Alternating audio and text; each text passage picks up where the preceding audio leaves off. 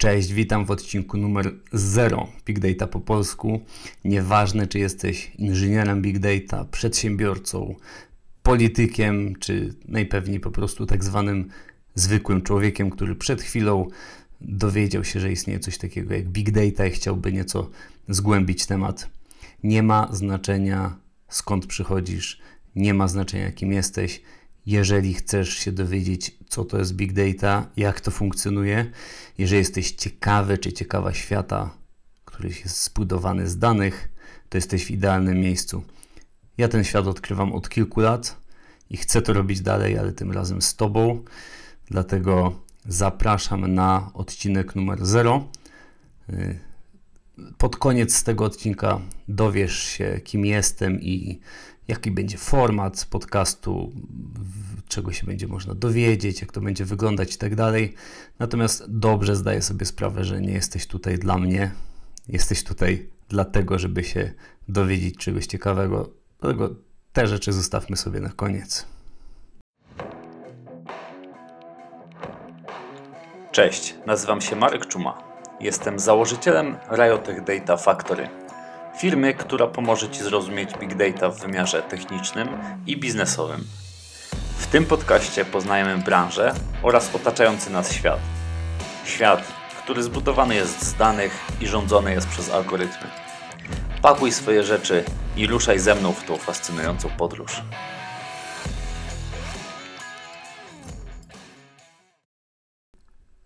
Mamy jako ludzie naprawdę fajną, niesamowitą rzecz. Ja to obserwuję e, u swojego syna, dwójpółlatka, ale także u innych ludzi. Mm. Tak swoją drogą, no właśnie, mm, mam dwójkę dzieci, więc ponieważ nagrywam w warunkach biurowo-domowych, ale zdecydowanie położonych w moim mieszkaniu, mam nadzieję, że żadne odgłosy tła nie będą przeszkadzać. Czym się twój tata zajmuje? Potato. Świetnie. Jeżeli byście takie usłyszeli, jeżeli byś takie usłyszał czy usłyszała, mam nadzieję, że mi wybaczysz. Ale wracając, to co obserwuję u swojego syna i co można zaobserwować bardzo mocno, e, także u nas samych, ta fascynująca rzecz to jest ciekawość świata. Ciekawość świata, która objawia się nieustannym głodem poszukiwania tego, jak zbudowany jest nasz organizm, jak zbudowany jest y, nasz świat w kontekście geopolitycznym, może politycznym tutaj na krajowym podwórku, jak wygląda ekonomia. To dlatego przez ostatnie lata bardzo mocno rozwijają się wszelkiego rodzaju y, ośrodki popularno-naukowe, kanały na YouTubie, blogi itd., tak itd. Tak dlatego chcemy poznawać, jak wygląda gospodarka, w jaki sposób się bogacimy, poznajemy różne teorie na ten temat, ścierają się różne idee i ideologie. I chyba tak mi się coś wydaje. Nie jestem stałym bywalcem, ale wydaje mi się, że właśnie z tego powodu kupujemy kolorową prasę, żeby dowiedzieć się, jak zbudowane jest życie innych ludzi, które wydaje nam się ciekawsze. I to jest naprawdę fascynująca cecha. Co prawda, gubimy ją nieco na etapie dorastania, może y, podczas systemu edukacji troszeczkę, może tak zwana szara codzienność w nas zabija tą ciekawość, ale mimo wszystko y, ciągle chcemy się dowiedzieć, jak to czy tamto jest zbudowane, jakie mechanizmy rządzą nami, i jak my możemy na różne rzeczy wpływać. I to jest absolutnie niesamowite. Natomiast jest jeden problem. Problem jest w naszym myśleniu i to jest coś, co chciałbym dzisiaj poruszyć. Dla, co to jest za problem? Tak mi się wydaje. To jest tylko moja subiektywna obserwacja, ale wydaje mi się, że podstawowym problemem e, w tym kontekście jest to, że idziemy troszeczkę na skróty i to, że patrzymy powierzchownie. To znaczy, nie chce nam się, albo nie mamy być może do tego potencjału, ale raczej bardziej prawdopodobnej przy takiej opcji ja obstaje, po prostu nam się nie chce zagłębiać, nie mamy czasu też pewnie, zagłębiać się e, w te mechanizmy. Przestajemy na takiej kolorowej skorupie na opakowaniu, które daje nam złudzenie poczucia tego, że o czymś wiemy. Widać to na każdym kroku, ale między innymi dzisiaj przy okazji tragicznych wydarzeń za naszą wschodnią granicą. Zastanówmy się, niech każdy zrobi taki mały rachunek sumienia, ile razy poprzestajemy na newsach, bardzo skrótowych newsach, które wyrażają się w kilku zdaniach często, a ile czasu poświęcamy na zapoznanie się z debatami ekspertów od geopolityki, ile czasu poświęciliśmy na analizy, na zrozumienie tematu. Mm. I to jest coś, co y, w pewnym momencie mnie dość mocno uderzyło i jak się zastanawiałem nad tym podcastem, to też pomyślałem, że to będzie bardzo dobry motyw. Dlaczego? Dlatego, że zadajmy sobie jedno pytanie. Jeżeli to opakowanie, ta skorupka, ta powierzchowna powłoka jest tak bardzo ciekawa, tak fascynująca, to jak dużo mocniej jest w środku, jak dużo lepiej, jak dużo bardziej fascynujący jest mechanizm, który rządzi tym, co widzimy. To jest coś, co chciałbym dzisiaj postawić w naszym, w tym pierwszym, właściwie zerowym odcinku podcastu Big Data po polsku. Jak to się ma do Big Data? Właśnie, jak to się ma do Big Data? To się ma do Big Data w taki sposób, że zastanawiając się nad tym yy, i odcinkiem, i w ogóle podcastem, jak mam go, jak mam go prowadzić, o czym mam mówić, yy, i troszeczkę zastanawiając się nad tym, jak ja mam podchodzić do Big Data, zdałem sobie sprawę z jednej rzeczy. I opisałem to też w e-booku. Pisałem troszkę na tym, o tym na blogu, na LinkedInie.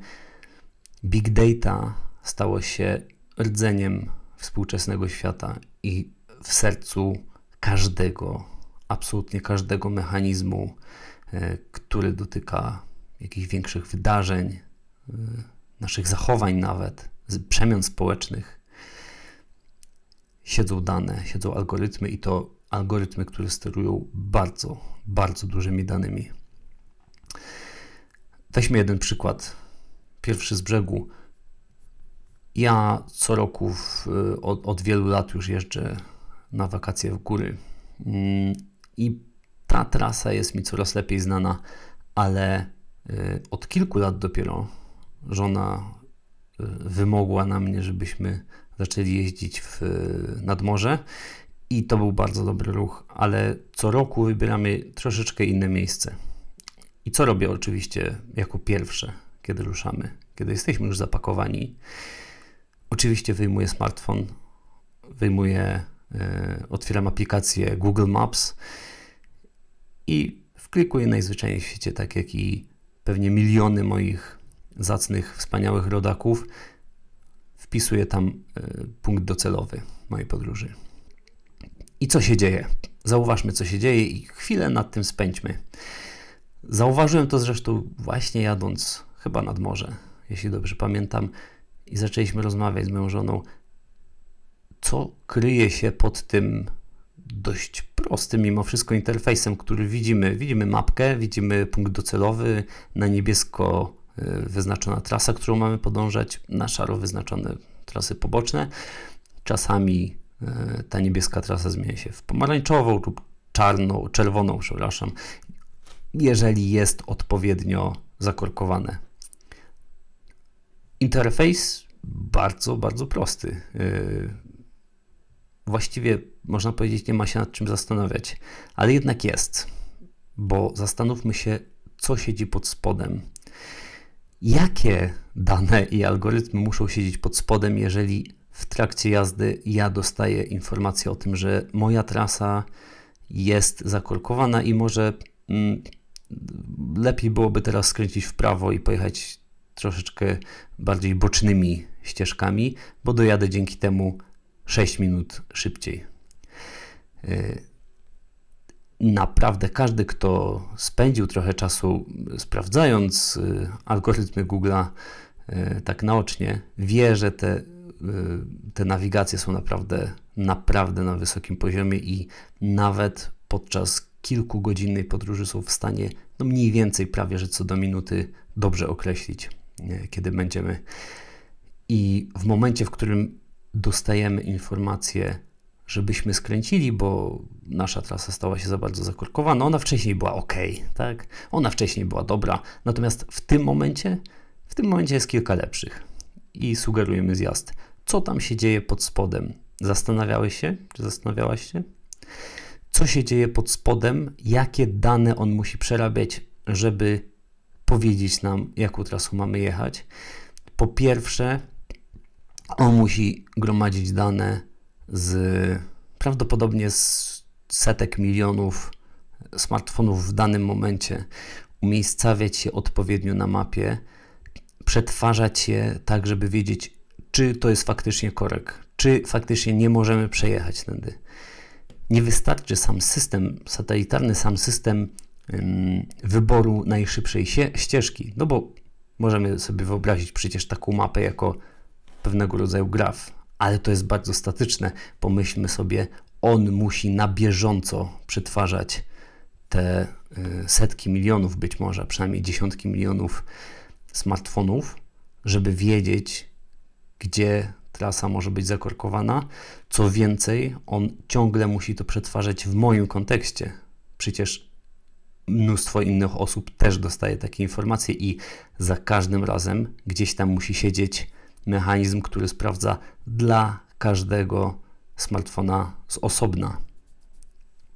To są ogromne obliczenia, to są ogromne dane. E, natomiast jeżeli pytamy się siebie samych, co siedzi pod spodem, to tak naprawdę szybko dojdziemy do wniosku, że samo pytanie o to, co siedzi pod spodem tej aplikacji, jest trochę nieuzasadnione, bo pytanie powinno najpierw paść, co to znaczy spód tej aplikacji. No bo jeżeli otwieram sobie aplikację do y, wybierania listy zakupów, to mogę powiedzieć, że pod spodem siedzi jaka, jakiś kod, który jakieś algorytmy przetwarza. Natomiast w przypadku Google Maps, co to znaczy pod spodem? No przecież nie chodzi o sam kod tej aplikacji, prawda?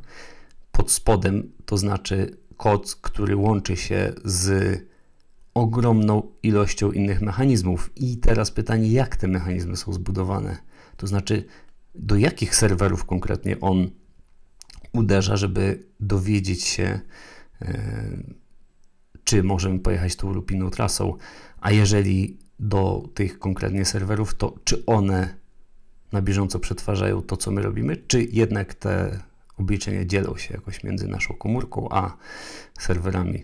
Takich pytań jest mnóstwo i to jest tylko wierzchołek góry lodowej tego, czym współcześnie jest big data, bo pomyślmy sobie, jeżeli dostajemy absolutnie za darmo, nie, nie płacimy nic za tą aplikację, jeżeli za darmo dostajemy tak skomplikowany mechanizm, który przecież, jak już sami teraz sobie możemy wyobrazić, musi być niezwykle drogi, to czym my płacimy?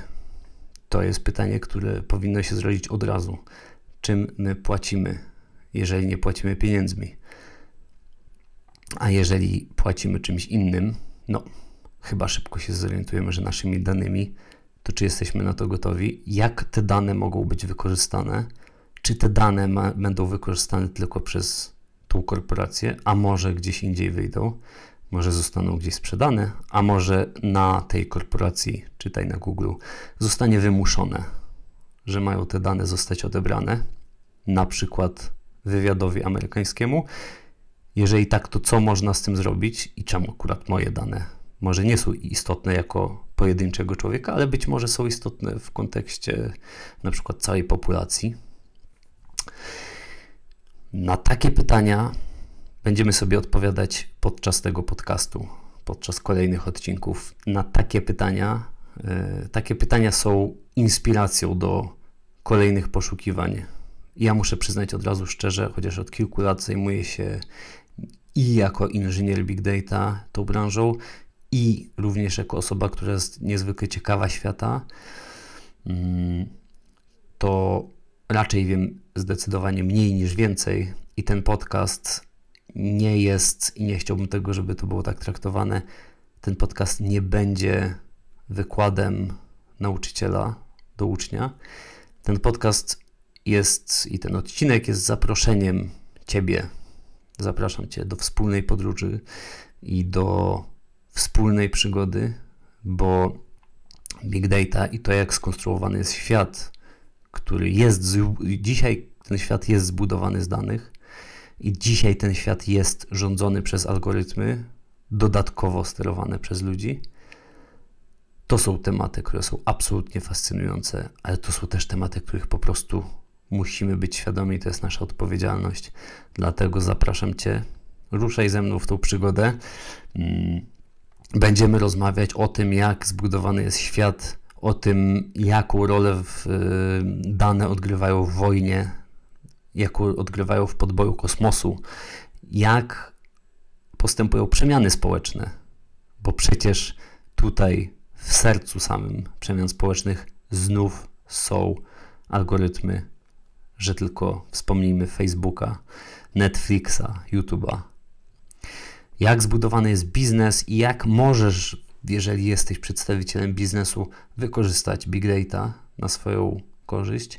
Będziemy też rozmawiać sporo o szkoleniach, bo Riotech Data Factory, czyli firma, którą prowadzę, to jest firma szkoleniowo-doradcza, więc jeżeli zastanawiasz się troszeczkę nad tym tematem, to również tego typu e, kwestie tutaj będą poruszane. Ja nazywam się Marek Czuma, jestem założycielem Realtek Data Factory. Jestem też człowiekiem, który odnalazł się w Big Data, który chce zgłębiać świat przy pomocy danych i uważa, że dzięki danym ten świat można poznać lepiej i dzięki danym ten świat można poznać rzetelniej, ale też dzięki Big Data można tym światem sterować w sposób niewłaściwy. Im więcej będziemy mieli świadomości, tym do lepszych skutków doprowadzimy. Mam nadzieję, że ten podcast będzie prowadzony w dość swobodnym tonie. Nie chciałbym, na pewno będą trudniejsze tematy, ale chciałbym, żeby y, trzymał się z dala od kontrowersji, żeby trzymał się z dala od y, pesymizmu, od czarnych wizji, czyli tego, czym wypełniony jest współczesny świat. Jeżeli chcesz, ruszaj ze mną w tą przygodę. Dużo miejsca jest na moim pokładzie, dlatego zapraszam serdecznie i do następnego odcinka.